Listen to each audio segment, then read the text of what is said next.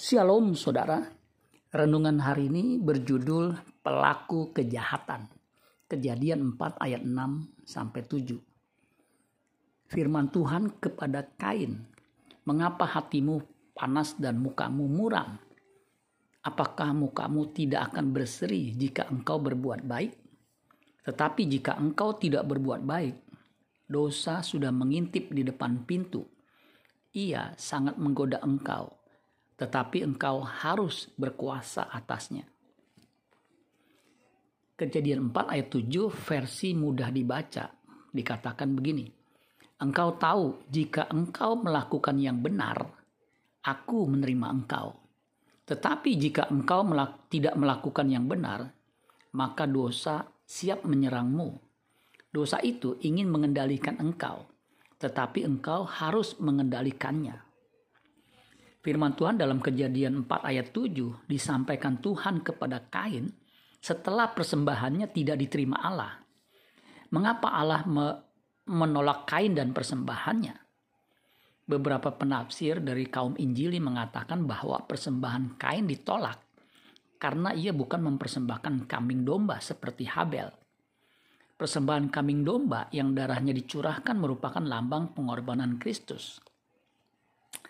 Tafsiran PB Perjanjian Baru ada di Ibrani 11 ayat 4. Eh, eh, bahasa Indonesia masa kini dikatakan begini. Ibrani 11 ayat 4. Karena beriman maka Habel mempersembahkan kepada Allah kurban yang lebih baik daripada kurban Kain. Karena imannya itu Habel diterima oleh Allah sebagai orang yang baik Sebab nyatalah bahwa Allah menerima persembahannya.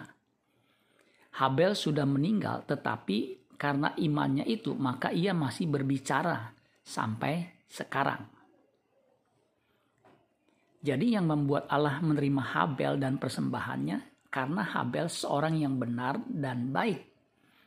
Bukti bahwa Habel beriman terlihat dari perbuatannya yang baik. Sedangkan Kain adalah seorang yang tidak benar ia seorang yang jahat dan punya sifat iri hati.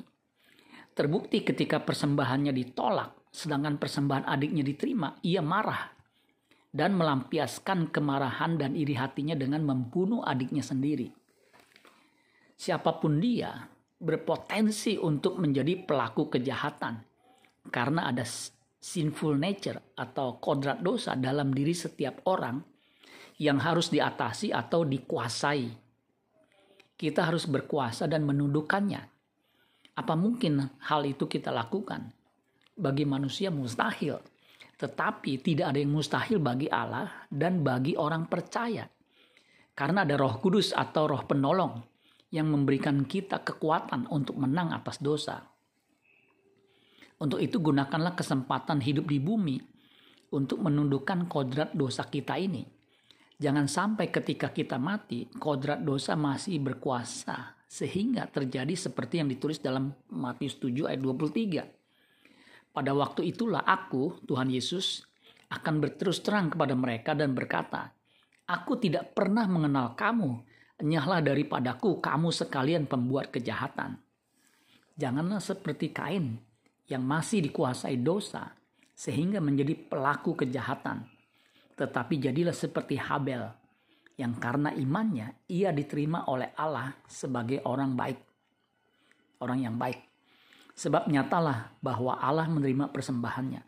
Habel sudah meninggal, tetapi karena imannya itu, maka ia masih berbicara sampai sekarang. Amin buat firman Tuhan. Tuhan Yesus memberkati. Sola Gracia.